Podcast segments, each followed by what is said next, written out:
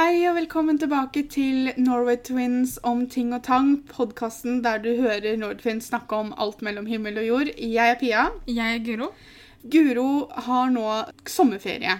Hun og Petter skal eh, reise bort, og vi ville ha noen podkaster som var litt sånn enkle og greie å spille inn, sånn at Guro kunne nyte ferien eh, sånn som hun fortjener. Og derfor så fant vi ut at det var på tide med en ny Q&A-podkast, altså der vi har spurt på Instagram etter spørsmål. Og så har vi fått en hel haug tilbake. Hvis dere har lyst til å kunne være med og stille spørsmål eller komme med temaer på Instagram, så kan dere følge oss der, og vi heter Norway Twins blogg med 1G. Så Guro, hva er første spørsmål i dag? Hva liker dere mest og minst å bruke penger på? Jeg er veldig glad i å bruke penger på andre når man skal kjøpe gaver og sånn. Eller lage julekalendere eller noe sånt. Jeg liker å bruke penger på sosiale ting. Jeg har ikke alltid nødvendigvis vært sånn. Det siste halvåret kanskje, så har jeg fått en litt ny kjærlighet for det å finne på ting utenfor hjemma til vennene mine, da. Hva jeg minst liker å bruke penger på. Det som man må betale, liksom. Det kjedelige. Det som liksom, du ikke kan velge å betale, liksom. Det, jeg holdt på å si at det er veldig kjedelig å bruke penger på mat fordi at du må ha mat for å leve, men samtidig så er jeg veldig interessert i mat. Og liker å finne tilbud og sånne ting, så akkurat det kan jeg jo ikke si det heller. For øyeblikket så tror jeg jeg liker minst å bruke penger på alle ti legetimene mine. Det er alltid kjipe penger, selv om det er nødvendig det òg, da, men det er alltid kjedelig. Ja, men det, er, det, er, det knytter seg egentlig mer til det at det er en grunn til at jeg må bruke penger til det. Jo, jo. Du flyr jo ikke bare rundt til legen hvis ikke det er noen Nei, grunn, men det, jeg har ikke noe imot sånn sett å bruke penger til å gå til legen når jeg trenger det, men det er det at jeg nå er i en situasjon der jeg må ja. gjøre det, som gjør at jeg liker det minst, da. Hva er drømmereisen slash ferien deres? Jeg vet ikke om vi har sagt det i en podkast ennå, men vi har snakka om det på YouTube flere ganger, at vi har veldig lyst til å besøke USA sammen. Mm. Og dra i Harry Potter-verden og Disney og disse parkene der. Akkurat nå så er faktisk drømmeferien min den ferien som vi har planlagt til sommeren. Som er eh, Disneyland i Paris og London back to back. Ja. For nå er det begynner det å bli en stund siden vi har vært i London, og vi elsker jo London. Vi elsker Disney og har ikke vært i Disneyland i Paris siden vi var 11. Nei. Og denne gangen så skal vi dra sammen med mamma og Petter. Og denne gangen får dere bli med, for da skal vi vlogge. Ja! Hva ville dere hatt som navn om dere kunne velge selv? Det er umulig å svare på, for jeg klarer ikke å forestille meg å hete noe annet enn Pia. Men jeg vet at når vi var små, så het jeg alltid Lise når vi lekte. Og jeg het Kari. Men det er som Pia sier, at jeg er Guro, liksom. Jeg kunne ikke plutselig bytta navn nå. Det er veldig mange fine navn, Ja. men det er ikke navn jeg kunne tenkt på til meg selv.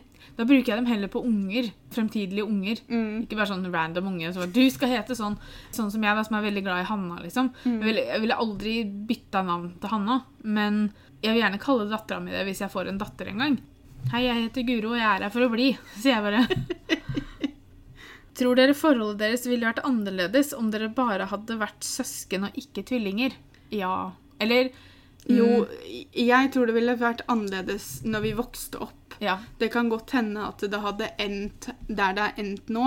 Jeg tror ikke vi hadde vært Altså, Det er ingenting som sier at vi ikke hadde vært gode venner og ikke hadde hatt et bra forhold, men om vi hadde vært der vi er i dag Fryktelig vanskelig å svare på det spørsmålet her også, for er, vi vet ikke noe annet. Vi kjenner ikke til noe annet. Vi har sett venner av oss som har yngre søsken eller eldre søsken som ikke nødvendigvis Det var ikke det at de krangla så busta føyk når de var yngre, men de har vokst opp til å få et nærmere og, et nærmere og et bedre forhold når de blir voksne, for da er ikke aldersforskjellen så stor. Det er de samme åra når du er liten også, Men jeg tror- jeg det er en større forskjell som barn fordi å si at det er fire års forskjell. da. Mm. Så for eksempel, du går jo ikke da på ungdomsskolen samtidig. Mm. Men når du blir voksen, så er ikke fire år like stort gap. jeg, jeg tenker nok at vi hadde vært gode venner, og sånn, men jeg tror ikke det hadde vært sånn som det er i dag. Det tror jeg ikke. Nei, ikke heller. Og derfor så er jeg veldig glad for at vi er tvillinger. Ranger følgende komplimenter etter hvilke dere ville satt mest pris på. Pen, smart eller snill. Snill først. Ja. Og så smart, og så pen. Jeg tror jeg vil ha pen, smart. Ikke fordi at jeg syns det å være pen betyr mer enn å være smart, men pga. selvbildet jeg har, så hadde jeg satt større pris på et kompliment som gikk Altså, det høres veldig sånn shallow ut, men jeg hadde satt mer pris på et kompliment om at jeg var pen, enn at jeg var smart. Setter snill først, fordi at snill skal man alltid være. Og det er veldig hyggelig å høre at man er snill. Når det gjelder smart, så er det flere typer smart. Du kan være street smart, og du kan, være book smart. Altså, du kan være en sånn person som suger til deg all informasjon du leser, og er kjempeflink på skolen og sånn. Og så kan du være smart på den måten at du er en logisk person. At du, du ser situasjoner og vet åssen du skal komme deg ut av det. Ja, At det finner, flink til å finne ja, løsninger. eh, og du kan være begge deler òg, selvfølgelig. Uansett på hvilken måte du er smart, så syns jeg det er hyggelig å høre det, da. Ikke misforstå, det er hyggelig å høre hvis noen syns du er pen. Men jeg tenker heller bli kjent med meg som person, og så kan jeg heller bli pen på den måten enn at man bare går etter utseendet, da. Hvis du skal sette deg selv i en av de to kategoriene som du snakka om med, med smart, enten boksmart eller street smart, som du kalte det, Mm. hvor faller du hen? Street smart. Jeg òg. Jeg kan ting. Jeg bare Ja føler da. at jeg kanskje er mer løsningsorientert. Jeg er sånn at jeg heller vil lære av erfaring og det å oppleve ting enn å le lese om ting i en bok, eller det å på en måte sitte på skolebenken og, og lære det, på en måte. Beste og dårligste kjøp i 2019. Dårligste kjøp, det er faktisk eh, noen egg som jeg og Peter kjøpte når vi var på siste Malmö-turen. var en periode vi brukte veldig mye egg. Og så plutselig så gjorde vi ikke det lenger, så de egga de gikk Ikke det at de ble dårlige, men de ble stående litt lenge. Sånn at alle eggeplommene i egga satte seg fast i skallet på toppen. på en måte, fordi vi fikk bare ikke brukt dem fort nok. Det var ikke det at de smakte vondt, eller noe, men de, de ble litt dårlige fordi de måtte stå så lenge. Det var bare tullete å ha så mye egg i kjøleskapet, selv om vi brukte det ofte. Mitt beste kjøp er sports-BH-ene fra Hennes Maurits og bikinitoppen fra Bon Prix. Beste kjøpet mitt tror jeg er disse um, Oi, jeg husker ikke hva den type bukse heter, men det er sånn uh, paper pants Paper, Nei. Men det er disse litt sånn flowy buksene som jeg kjøpte på Hennes Maurits. For de er ikke for varme, og de kan også brukes om sommeren. Jeg, jeg vet ikke om jeg kommer på noe verst kjøp, jeg. Hvordan tror dere hverdagslivet deres ville forandret seg hvis ikke dere hadde vlogget hver dag? Det hadde jo ikke forandra seg noe. Det, bare, altså selvfølgelig, det hadde forandra seg på den måten at vi ikke hadde filma det. Vi hadde sluppet å redigere det på slutten av dagen. Ja, Men det hadde ikke forandra seg noe, for det dere ser i vloggene, er jo det vi gjør hver dag. Vi forandrer jo ikke på livet vårt fordi vi vlogger det. Har dere sett serien Outlander? Ja. Nei. Jeg har sett mye klipp. Jeg har sett til og med Hvilken sesong er det jeg har sett, da? De skal begynne på sesong fem, skal de ikke det? Jeg mener at jeg har sett til og med sesong tre, for jeg har ikke sett hele den siste som gikk nå. Så hvis det er fire, så har jeg sett de tre første. Det er en fantastisk bra serie. Jeg syns konseptet av serien er veldig bra. Nå hadde ikke jeg hørt noe særlig om bøkene, så jeg vet ikke hva som er forskjellen fra bøkene til, til serien. Det er ikke nødvendigvis en sånn serie som er sånn åh, nå kommer det nytt, nå må jeg se, jeg må se, jeg må se med en gang. Men har jeg ikke noe annet å se på, så ser jeg gjerne. Pluss at det er også en sånn type serie at hvis jeg setter meg ned og begynner å se på en episode, så blunker du, og så har du sett åtte. Det er veldig vanskelig å stoppe. Det hekter meg ikke i det hele tatt. Ja, For det samme er vel for deg med Game of Thrones. Ja, det heller fikk jeg aldri til. For der også har jo jeg sett det meste. Jeg har ikke sett siste sesongen. Ja, mamma skryter jo det opp i skyene. Jeg har ikke klart å sette meg ned og begynne å se på siste sesongen ennå. Og det har ikke noe med at folk syntes han var så dårlig. Jeg gikk inn i siste sesongen med veldig, veldig lite forventninger. Jeg så ikke for meg at noe happy ending for noen. Litt pessimistisk da, ikke sant? Jeg, Ja. Sånn er jeg jo bare. Forventninger er feil, kanskje feil ord. Når jeg tenker på siste sesongen, så gikk jeg ikke inn i det med noe håp. Noe som vil si at hvordan det endte, ble ikke feil for meg. Det var annerledes enn jeg hadde forestilt meg. Ja, altså, Men det ble ikke feil. det skal jeg si. For jeg har For jeg vet sett åssen det ender, selv om jeg ikke har sett siste ja, for, altså, Jeg har jo ikke sett noen ting. Jeg har bare sett noe småklipp her og der. Jeg vet at det er drager med, liksom. Og så vet jeg at mange av dem er i familie og sånn. Til og med jeg ble litt overraska over slutten. Den, den overraska meg, ja. Jeg hadde karakterer som jeg er veldig, veldig glad i, som jeg skulle ønske kunne få en litt annen slutt. Men samtidig, det er en sånn egoistisk tanke, for jeg tror, uten at jeg vet det 100% sikkert, for jeg har ikke sett episoden, den karakteren jeg tenker på, var fornøyd med sin egen slutt. Mm. Det slutta litt sånn som et spennende skiløp. At det kom en liksom, som hadde så å si ligget i sist og egentlig ikke vært med i det hele tatt, og så kom en sånn opp på sidelinja sånn helt på slutten og gikk om målstreken først. Ha-ha, her er jeg! Og så bare sånn, Hvor i alle dager kom han fra? Han har jo ligget sist hele tida. Og det overraska meg litt, selv om jeg vet ikke nok om disse karakterene å si at det er sånn, men det er den følelsen jeg satt igjen med. Men det var en veldig, veldig bra måte å forklare det på. Trekker alltid paralleller fra skiløp. det er bare sånn det er. Hvor ofte er dere sosiale utenom familien og hverandre? Vi prøver jo å være sosiale så mye som mulig. Det er ikke alltid det lar seg gjøre, for det skal passe for alle, og det skal passe inn i hverdagen til alle sammen, liksom. Prøver jo å se venner så ofte vi kan. Skulle vi ønske at vi var mer sosiale? Ja. Men det er ikke nok dager eller timer i dagene og ukene, egentlig. Det er vanskelig å få ting til å klaffe alltid. Innimellom så må man bare innse det at man kan ikke treffes alle sammen på en gang. At man må gjøre ting sammen i mindre grupper.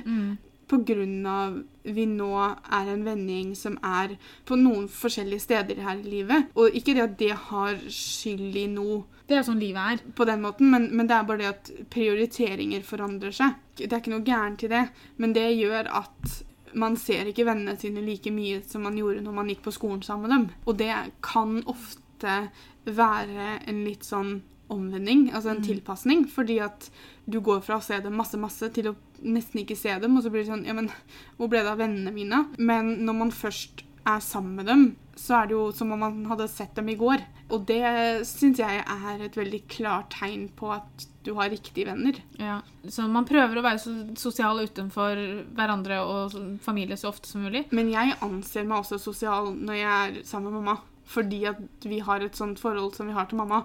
Hvis jeg hadde vært sammen med mamma to kvelder i uka, men ikke sett vennene mine, så hadde ikke jeg sett på den uka som en sånn Og den uka her har jeg ikke vært sosial. Det hadde vært annerledes hvis vi fortsatt bodde hjemme. Du Så hadde- fort jeg går ut ytterdøra, så har jeg vært sosial. Ja.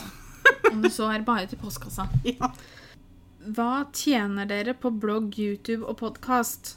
Jeg tror vi har snakka om det her i en podkast før, men nå er ikke YouTube eller blogg eller podkast jobben til meg og Pia, så vi tenkte at ok, vi fikk ta det med. Vi tjener ingenting på bloggen, vi tjener ingenting på podkasten. Vi tjener noe på YouTube. Det er nok til å kanskje dekke opp én eller to matlagingsvideoer, liksom. Det her er ikke noe inntekt vi har. Det her er en hobby, og det er en hobbyvirksomhet, da. Man, er det det det heter? Har ikke peiling. Nei. Jeg ser for meg at folk sitter med en tro om at vi tjener mye mer på denne hobbyen enn vi gjør. Men det er ikke noe det er veldig lett å tjene penger på. Nei. Du skal være heldig. Du, alt, mye skal klaffe Mm. for at du skal kunne leve av YouTube. Og det, det går ikke nødvendigvis bare på å leve av det heller, men å Nei. tjene på en måte nok til å, å kunne tenk, kalle det en, En inntekt. inntekt. nummer to, da. Ja. Hva av alt dere har produsert for YouTube, var det morsomste? Oi, oi, oi. Jeg har et spesiell plass i hjertet mitt for den sketsjen vi hadde der vi lekte Ghost Hunters. Bare for at det var det første vi gjorde som var sånn sketsjaktig. Det eneste vi har gjort som var sketsjaktig òg. Ja, vi, Vi har hatt med noe sånne snutter innimellom her og der, men, Vi har planer om et par til, men Ja. eh, Og jeg er så glad i skuespill, ikke sant? så når jeg fikk da prøve meg som skuespiller, som det så fint heter, hovedordet hovedord er prøve, så syns jeg det var veldig gøy. Den har nok en mer spesiell plass i hjertet ditt enn den har i hjertet mitt. Jeg blir mer flau når jeg ser den. Men det er jo bare gøy. Ja da, jeg vet det, men, Men nå blir ikke jeg flau, da. Det skal mye til. Du er mye flinkere enn meg til å ikke ta deg selv så høytidelig. Ja. Det er et vanskelig spørsmål. Jeg har blitt veldig veldig glad i denne serien vi har som heter 'Kokkelerer med Norway Twins', der vi inviterer gjester som lager mat sammen med oss, enten at de utfordrer oss, eller at vi utfordrer dem. Vi har hatt en sammen med Petter, vi har hatt en sammen med mamma, vi har hatt sammen med Cornelia. Vi har et par andre eh, i planene. Det er en rar ting å nevne fordi det er vlogger, men jeg er så glad i vloggene fra når vi var i Bergen hos Grim og Thea. ja. De ser jeg på stadig vekk, for jeg blir så i godt humør av å se på dem. Jeg er egentlig ganske glad i vloggene våre generelt, fordi at det er et eller annet med det å faktisk kunne gå tilbake og se OK, hva gjorde vi den og den dagen? Nå har vi jo ikke vlogga hver dag hele YouTube-tida vi har vært, holdt på med det her, men vi har jo vlogga hver dag fra 16, i hvert fall. Jeg tror det er noe rundt der. Jeg er veldig stolt av vloggene våre fordi vi vlogger hver dag. Det er ikke veldig mange norske youtubere som gjør det, hvis noen. Nei, og så er det det at eh, dere som hører på, som har sett vloggene våre, kan kanskje tenke herregud, hva, hva er det å være stolt av, liksom? Det er bare dagen. Men det er også det at vi klarer faktisk å vise dere vår hverdag. Og vi har fått mye greier opp igjennom fra vi begynte dagligvlogget kan dere ikke gjøre mer sånn, kan dere ikke snakke mindre om sånn, kan, nå må dere gjøre noe morsomt, da, det blir så kjedelig med bare sånn og sånn. Og vi har klart å holde hverdagene våre for det det er, hverdagene våre. Som vi har sagt til alle de som har hatt innspill til hvordan vi skal være i løpet av hverdagen. da. Dere kan komme med masse forslag til hovedvideoene, men akkurat vloggene er, kommer til å alltid være bare det jeg og Pia gjør i løpet av en dag. Det er ikke noe som kan pyntes på, eller som kan fantaseres eller gjøres til noe som det ikke er, for det, det blir helt feil. Vloggene er meninga at det skal være noe som viser dere hvordan jeg og Pia har det hver dag. Og da blir det veldig feil å skulle gjøre det til noe annet og sette opp et sånt lite teater bare for at dere syns hverdagen vår er kjedelig. Hva er deres favorittkaffe? Jeg liker kaffe mokka eller kaffe latte. Jeg liker kakao. Jeg liker ikke kaffe, så jeg har ikke noe favoritt heller. En egenskap dere hadde ønsket dere hadde? Mm, Tilgi lettere. Jeg kan være fryktelig langsint. Og ikke på sånne filleting, men på disse litt større opplevelsene og urettferdighetene, så kan jeg være ganske langsint. I forhold til Pia så kommer mitt eh, svar til å virke ganske dumt, for jeg hadde ønsket jeg kunne danse. Har dere noen gode minner fra mormoren deres? Vi har mange Vi har ikke nødvendigvis snakka så veldig detaljert om akkurat dette i en podkast enda. Vi har nevnt det ved flere anledninger, men vi har, eller hadde, et veldig vondt og anspent og vanskelig forhold til mormora vår de siste åra hun levde. Det var ca. ti år. For hun var direkte slem. Det var mye mobbing og mye manipulering og kontrollering eh, inn i bildet. Og vi kommer mest sannsynligvis til å snakke mer i detalj om det i en podkast etter hvert. Men fra vi ble født til vi ble sånn rundt 14-15 år, så hadde vi verdens beste mormor. Mm. Hun var alltid med på leken, hun passa på oss, hun stilte opp, hun lærte meg å spille gitar, hun. Lagde teatergruppe for meg og vennene våre. Uh, hun inviterte alle vennene våre inn i varmen mm. på samme måte som hun inviterte vårs juleverksted, sommerverksted, på, påskeverksted. Ja, vi lagde masse julepynt sammen med vennene våre hos mormor, for mormor var veldig kreativ sånn sett. Hun lagde mm. mye fint. Utallige hytteturer på, i hytta i Vansjø, og Hun var utrolig snill. Mm. Det var blant annet hun som ga oss dokkene våre, som ble på en måte de dokkene som vi hadde lengst, som var babyene våre. Mm. Og de skulle ikke ha dokkeklær, de skulle ha babyklær. Så mormor forlangte at bestefar skulle kjøre oss byen rundt for å handle diverse babyklær rundt omkring. Og en sånn lek som hun lekte med oss når vi var små, for mormor har Altså, jeg, alltid, altså jeg tror hun alltid har hatt det, så har mormor hatt ganske lange negler. Og så vi, satt vi på fanget hennes, og så lekte hun da ekorn og rev. Ekorn og rev eller noe sånt. Og da drev hun og kilte oss i hodebunnen med de lange neglene, og så var liksom ekorn inni øret. og så, altså Ikke helt inni øret, men liksom sånn inni, liksom, og hun kilte. Det var litt sånn ASMR-type ting. Og det var altså så morsom lek. Jeg koste oss når vi gjorde det. Vi bare 'Ekorn, ekorn!' Hun er også dama som lærte oss uttrykket å gi noen eh, en midt på tygga. Ja. For det var filledokka som sa. Ja, Mormor hadde sånn stemme til den ene dokka vi hadde når vi var helt helt liten. Jeg tror det var en dokke som mamma hadde hatt. det. Ja, Og, og, og hun var, den sånn, mest sassy dokka du noen gang kan komme bort til. Ja, og vi, jeg tror vi var sånn tre eller fire år første gangen den dokka sa det at uh, hvis noen var slemme, så skulle vi gi dem en på tygga. Og vi bare å ja, ok. Kanskje ikke de beste lærdommen der. Av det forholdet vi hadde med henne de ti siste åra hun levde, så tror jeg jeg og Pia ikke det at vi glemmer de gode minnene, men vi glemmer kanskje å nevne det. At vi ikke nevner det nok. Vi har det med å snakke om de vonde tinga når vi nevner mormor, mm. mer enn de gode. Og vi er veldig klar over og er veldig glad for at vi har mange år med kjempefine, gode, varme, hyggelige minner også. Mm. Hvem er dere i Harry Potter-universet? Jeg har alltid følt, eller alltid villet være en Hermine. Og på mange måter så er jeg kanskje en Hermine. Fordi at jeg kan være ganske sånn Det høres, Bestemt. det høres egentlig litt teit ut å si det når det kommer fra meg, men samtidig, ja, jeg er bestemt, men jeg kan også være ganske tøff. Altså, Jeg hadde nok vært den som sto sammen med Harry og Ron hvis det her hadde vært ekte. på en måte. Så hadde jeg heller gått inn i kampen enn gått fra kampen. Og du har alltid vært flink til å holde gutta i øra. Ja, Pluss at jeg er også en sånn person som kommer veldig lett overens med gutter enn jenter. Men skal jeg være 100 ærlig med meg selv, så er jeg nok mer en Ron enn en Hermione. Det tror jeg nok. Og så har jeg litt Harry i meg òg, for det er ikke mye jeg ikke ville gjort for venner og familie hvis, hvis Voldemort hadde kommet. da. Jeg tror du er en veldig god kombinasjon av alle tre. Jeg ser for meg at hvis du tar bort den veldig modige delen av Bill Weasley, så tror jeg kanskje jeg er en veldig Bill. Jeg husker ikke hva han het på norsk. Det vet ikke jeg heller. Hva er det han heter på norsk? da? Ja, Det spiller jo ikke noen rolle. Men eldstemann Jeg hadde alltid lyst til å være Ginny. Jeg har alltid vært den karakteren som jeg har på en måte dratt paralleller mellom meg og hun, og kanskje knytta meg mest til. Hun er nok igjen litt modigere enn meg.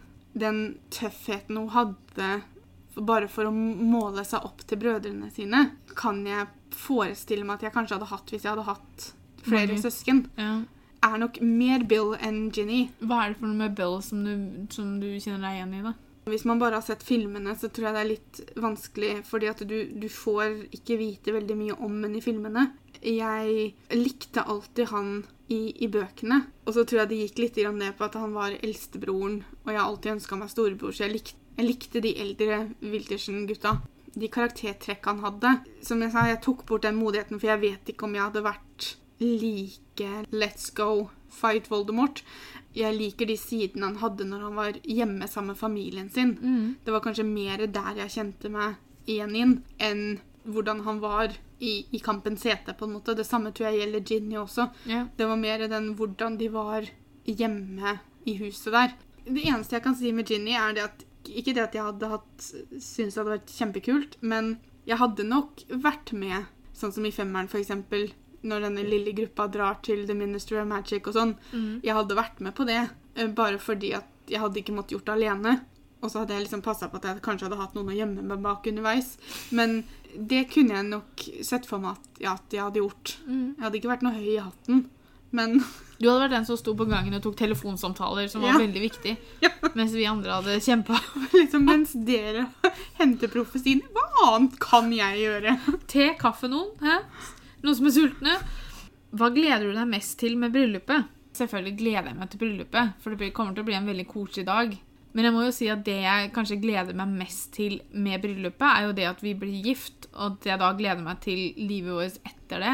Ikke at jeg ser for meg at det kommer til å bli noe drastisk forandring fra sånn vi har det nå.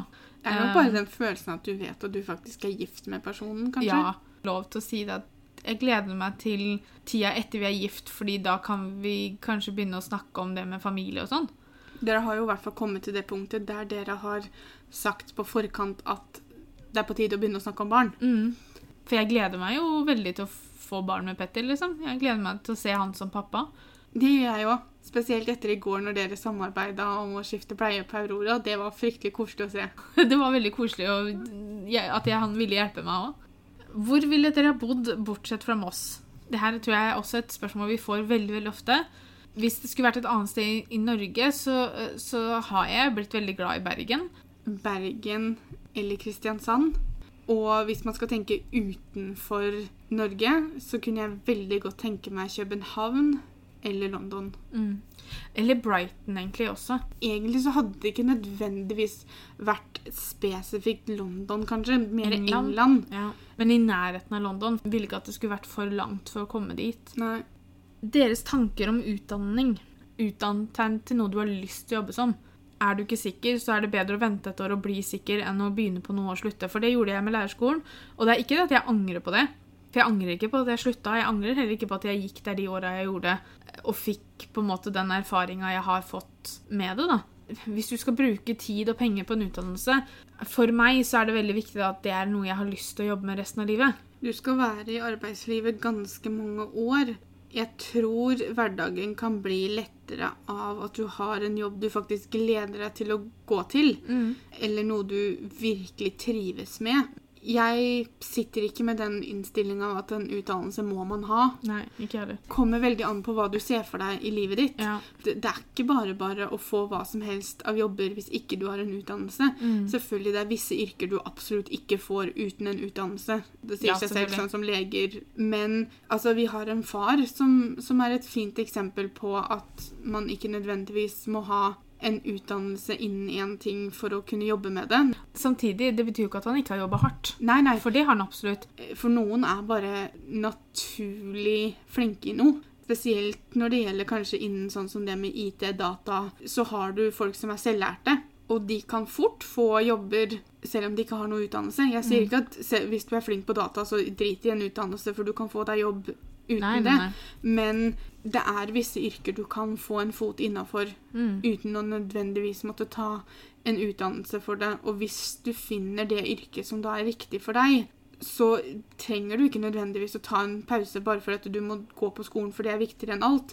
Nå er det også sånn at det er ikke for seint. Hvis Nei. du finner deg en jobb som du stortrives i, men så rundt 30-40 til og med litt etter det også, Mm. så finner du ut at vet du, jeg kunne faktisk tenke meg å prøve meg noe annet, og så finne noe du, som du må gå på skolen for, så er det ikke for seint. I klassen min på høyskolen så var det faktisk ganske jevnt, tror jeg, Mm. når det gjelder folk som kom rett fra videregående, Mm. og folk som hadde diverse antall år bak seg i en jobb. Sånn var det på lærerskolen også når jeg gikk der. At det var veldig mange i klassen, eller på trinnet mitt, da, som det het, som var over 40. Som hadde liksom gjort seg ferdig med barn, og som på en måte, de hadde nå begynt på skolen, alle sammen, og sånne ting. Så da passa det seg at man begynte på skolen for å ta utdannelsen. Eller de hadde jobba ganske mange år som noe, og så fant ut at nei, kunne tenke meg å bli lærer. Det går an å gjøre noe med det hvis man finner ut at man har lyst til å ta en utdannelse. Man må faktisk bare gjøre det som er riktig for seg, og det som føles riktig Ja, for seg. ta aldri en utdannelse fordi noen andre mener du skal ta den, for det tror jeg kommer til å bite deg i rumpa seinere.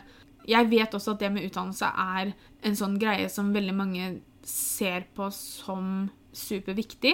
Jeg vet nok at mange syns det er veldig rart at ikke jeg har en utdannelse, men det får for så vidt være dømmes problem. Det fungerer jo for deg. Ja, Og hvis en utdannelse er superviktig for deg, så ta en utdannelse. ja, ja. ja. Jeg ville bare passa på at du tar en riktig utdannelse. Ikke stress med det.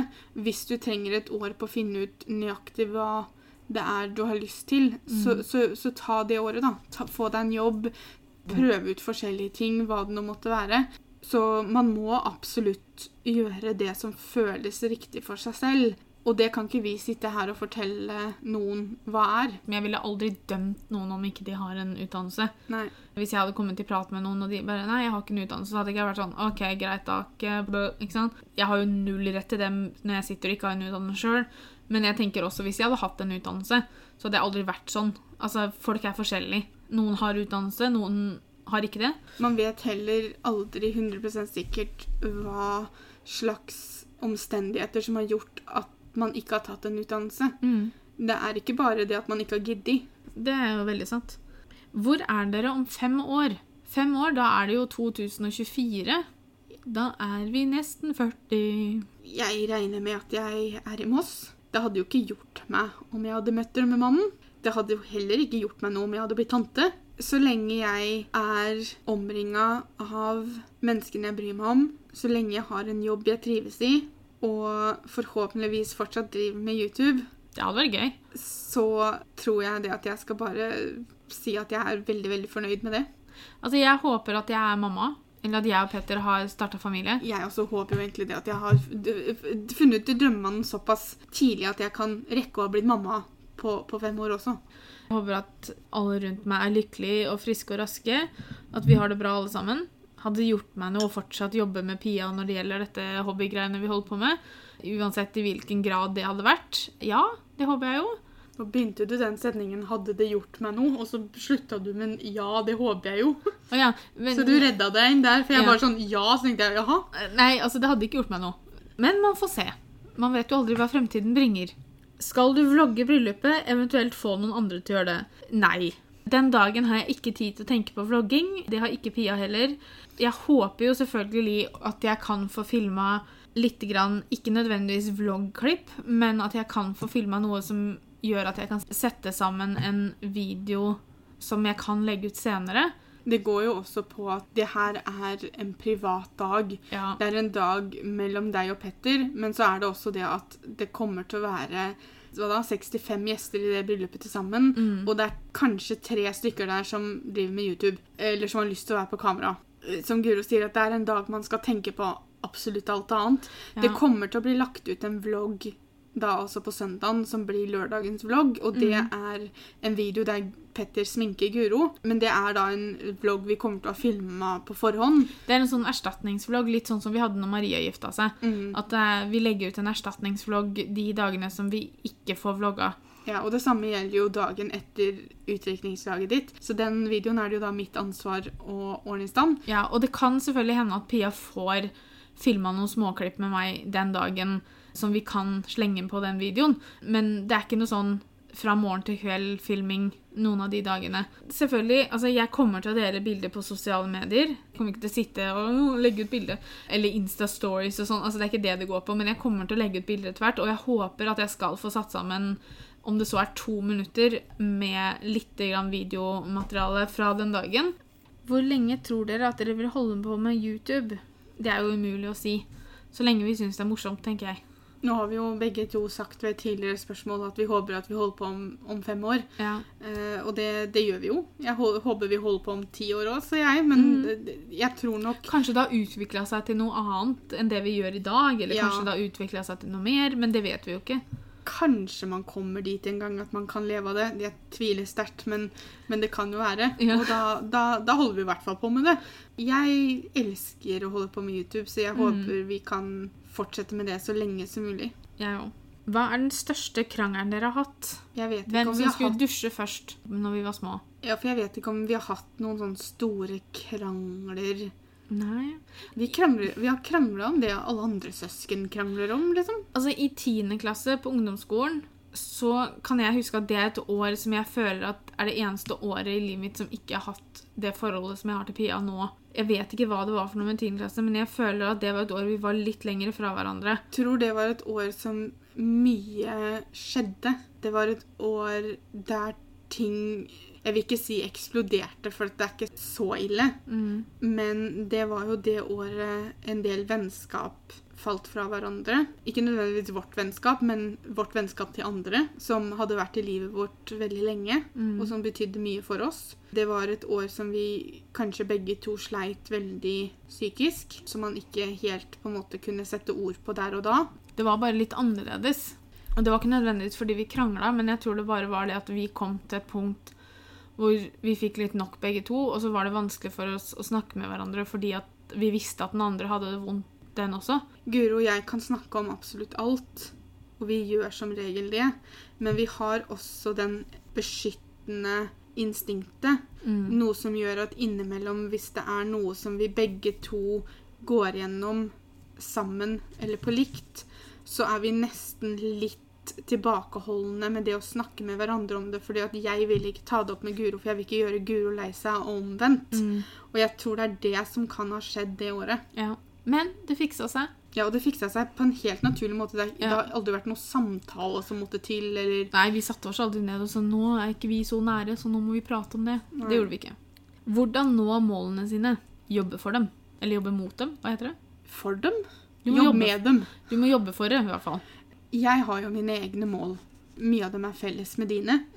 Men samtidig som du jobber for å nå måla dine, så må man huske å være litt realistiske om dem. Du kommer ikke til å klare alle måla dine, fordi at som regel så har man mål innen alle mulige områder i livet sitt. Ofte så har man også flere mål innen hver del.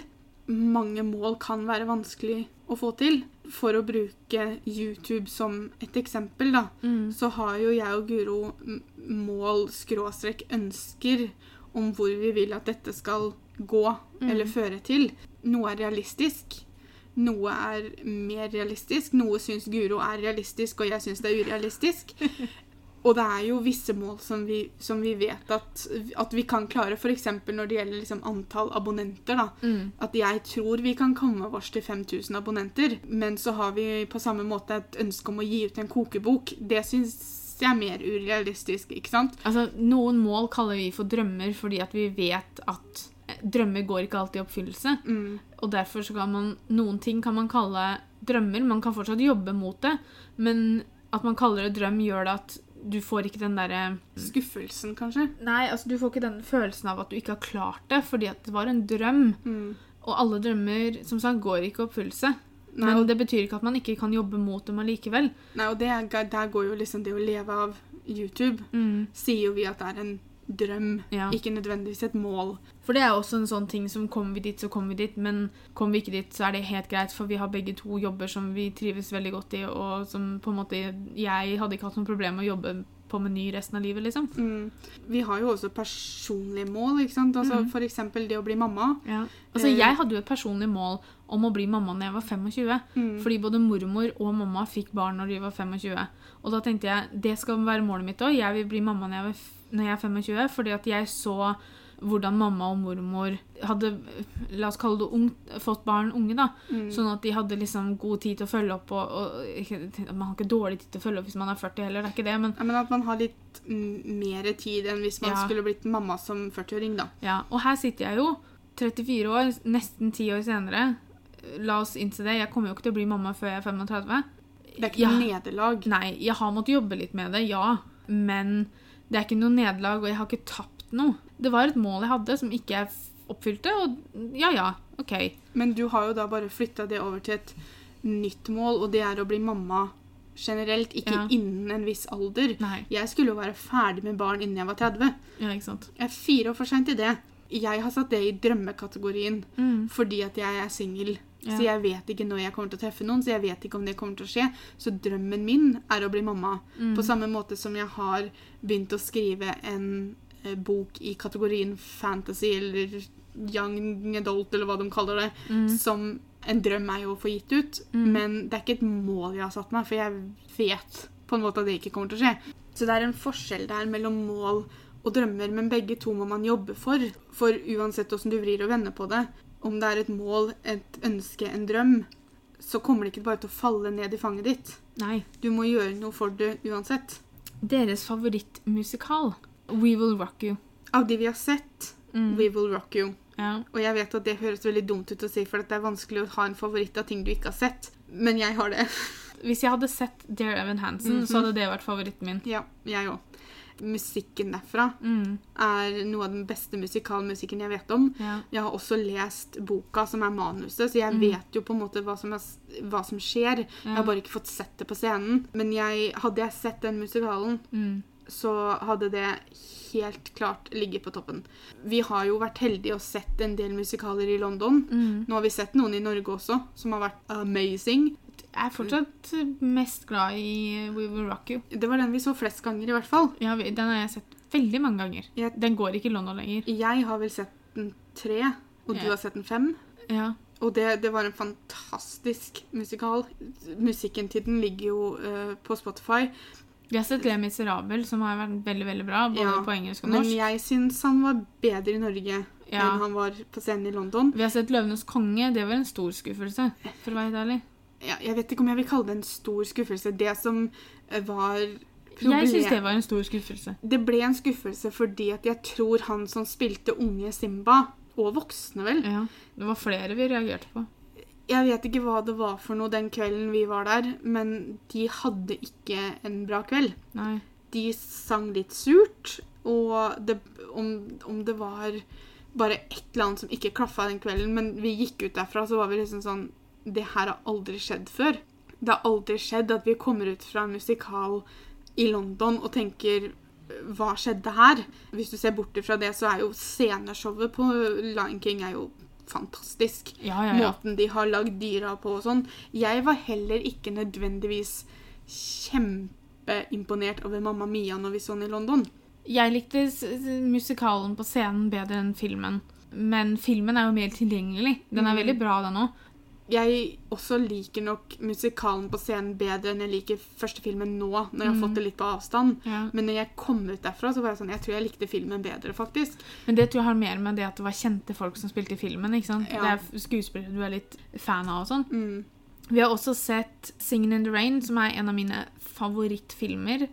Jeg syns musikalen også var veldig bra. Det var bare at Vi hadde vært litt gjerrige på billettene, så vi satt ganske langt oppe. Så vi fikk ikke den beste utsikten. Vi så mye hatter og sånn. Mm. Fordi vi satt så høyt oppe, så så du liksom Du så ikke ansikter og sånn. Pluss at jeg hadde litt høydeskrekk, for vi satt eh, på balkongen, og det Ja. var ganske høyt ned. Ja, Så jeg hadde ønsket vi la litt mer penger i billettene, sånn at vi hadde sittet litt lenger ned og sittet litt bedre og sett bedre. Vi har sett Grease, Grease det var den første musikalen vi så i London når vi var sånn 11-12 år. og så har vi sett Charlie and the Chocolate Factory. Den var veldig bra.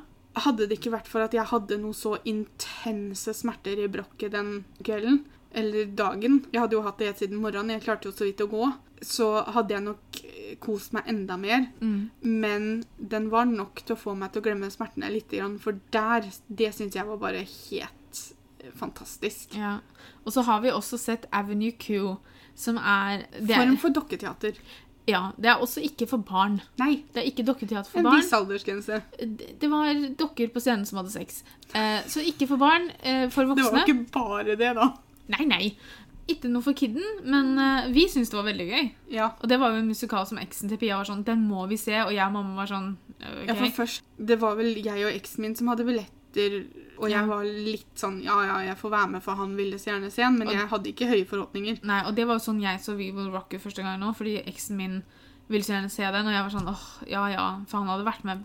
Det, jo, for det var første gangen jeg også så Le Miserable i London. Så du har sett den i London to ganger? Ja, For han var med meg på den første gangen, for det var noe jeg ville se. Og da når han fant We Will Rock You, for han var jo en stor Queen-fan, så han bare 'Å, den må vi gå på.' Jeg bare 'Å, herregud, jeg har ikke lyst, jeg har ikke lyst.' Men ja, ja, selvfølgelig skal vi gå på den, fordi at han hadde blitt med meg. Og så bare Det forandra bare Altså, jeg har ikke lyst til å si at det forandra livet mitt, men å hjelpes meg, den var bra. Og neste gang vi var i London, så sa jo du at den må vi se på, den må vi se på. Og da var jeg sånn. Jeg var sånn Det her er bare tull. Hvorfor i alle dager skal vi se på, se på det her? Det ble ringt inn en bombetrussel mens vi sitter på teatret, så vi fikk aldri sett We Will Rock You Den gangen.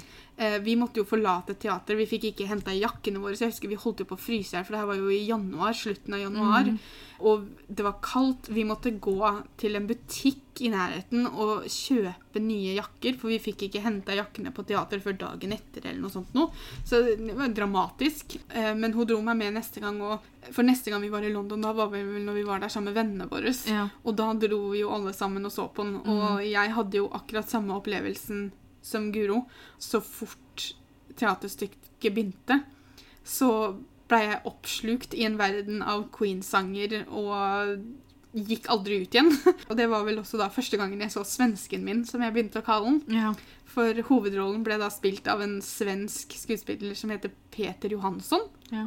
som for det første synger som en gud, men han bare passa så perfekt til den rollen. Jeg tror jeg har sett den fire ganger, for jeg mener at jeg har sett We Will Rock You med Peter tre ganger.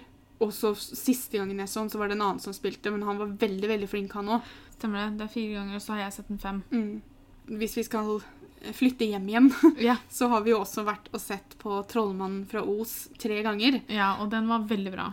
Det er noe av det beste jeg har sett noen gang. Jeg kommer aldri til å klare å forklare akkurat hvor mye jeg elska det teaterstykket, men det gjorde jeg. Ja, og mamma også syntes jo den var kjempefin, for det var jo, vi fikk jo billetter av henne til bursdagen vår Mm. for å se den første gangen. Og hun tror jeg er like fornøyd som vi er. Ja. Hva inspirerte dere til å starte med YouTube? Andre youtubere.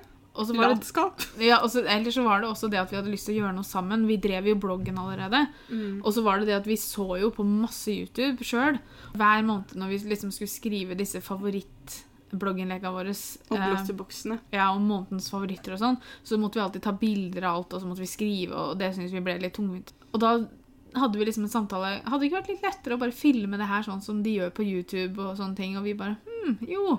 Og da ble vi jo litt frista til å liksom starte med det, og så vi prøvde vi oss ut, og så Ble vi hekta. Jepp. Og her sitter vi i dag. Hvilket fag likte dere best på skolen? Engelsk Engelsk. og spansk. Jeg tror ikke jeg hadde noen andre fag som jeg likte så godt. Ikke heller.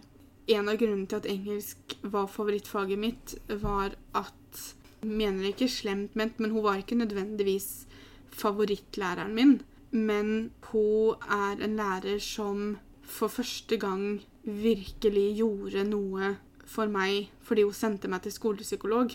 Det var første gangen en lærer tok tak i det jeg slet med. Og jeg ble ikke mobba på videregående, Nei. men jeg slet med konsekvensene av å ha blitt mobba i så mange år. Sånn at jeg sa jo aldri noe i timene. Og hvis hun skulle finne på å spørre meg direkte, så fikk jeg jo helt fnatt. Svarte aldri. Og hun så antageligvis på meg også at jeg fikk panikk. Og det endte med at hun tok tak i det. Hun tok, tok tak i meg, og hun spurte meg direkte er, er det noe gærent. Hva er grunnen til at du får denne reaksjonen når jeg spør deg om noe? Hvorfor rekker du aldri opp handa di? Det er veldig vanskelig å gi deg muntlig karakter. Og så ble det da til at jeg forklarte henne alt som hadde skjedd tidligere. Og da ordna hun det sånn at jeg begynte hos skolepsykolog. Hjalp det?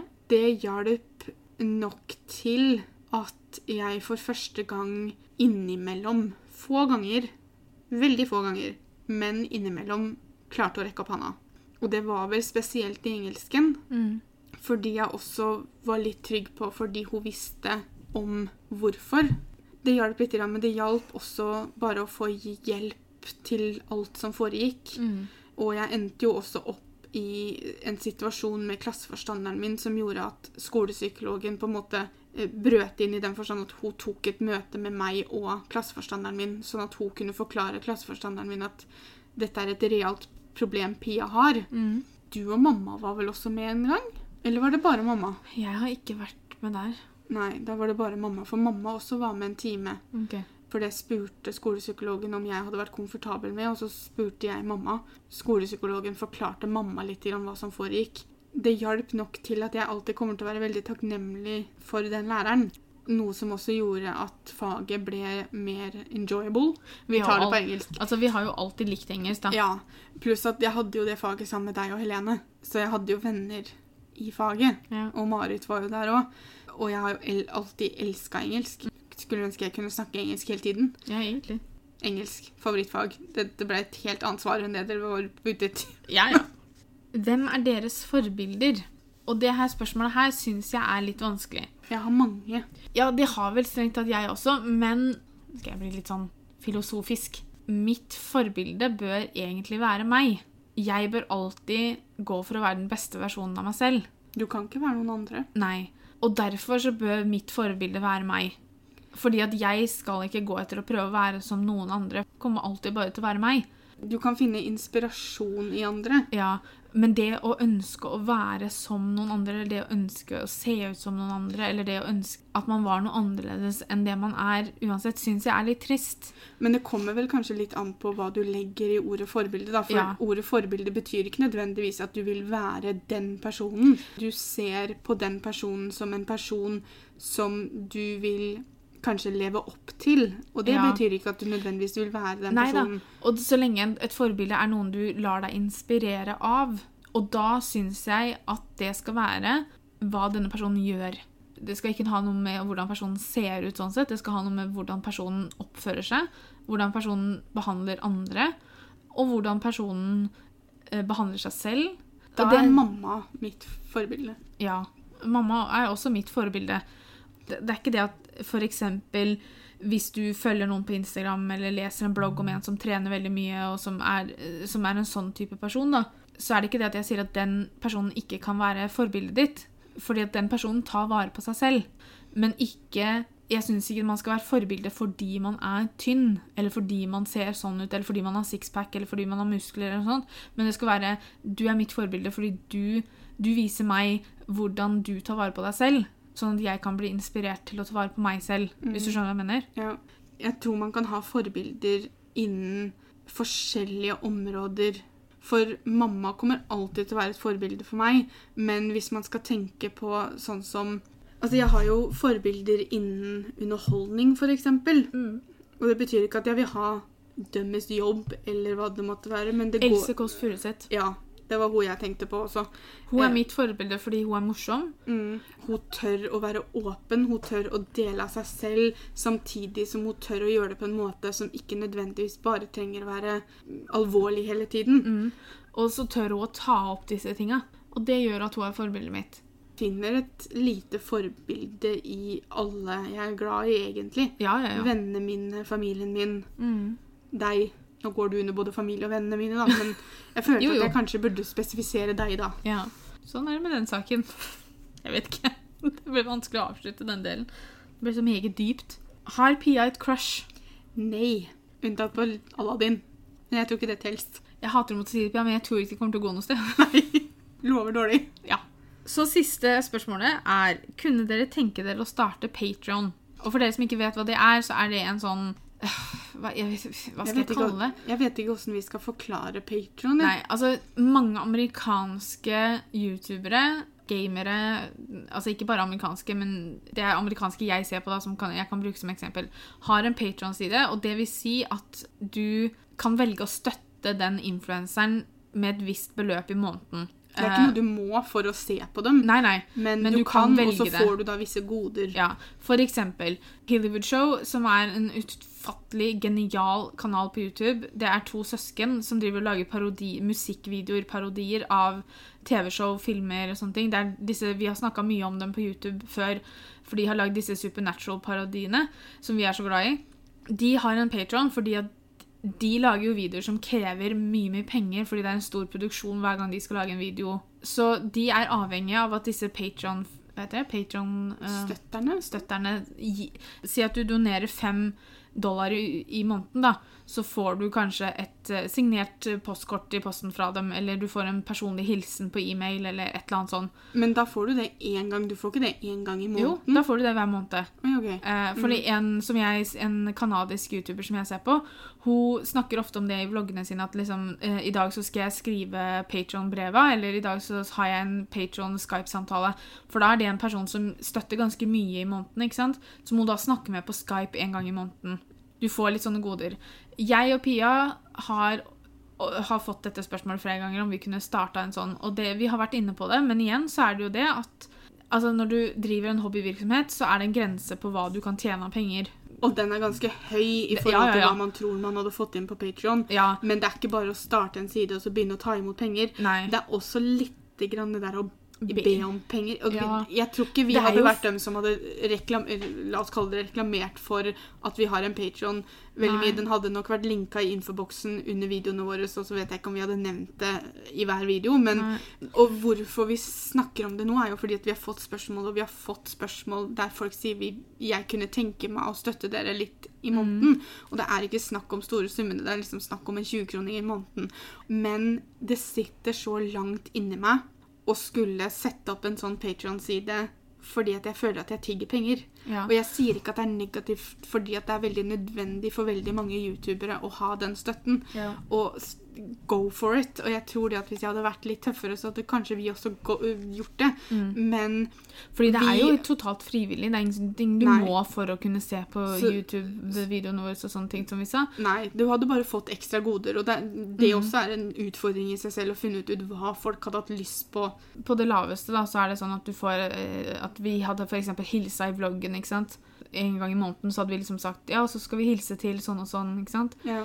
Eller så kunne det vært det at man, at man hadde satt opp en sånn slags rulletekst etter noen av videoene hvor liksom navna sto så du personlig takka dem, liksom. Det kan være at du sender et brev, det kan være en e-mail, det kan som sagt være en Skype-samtale.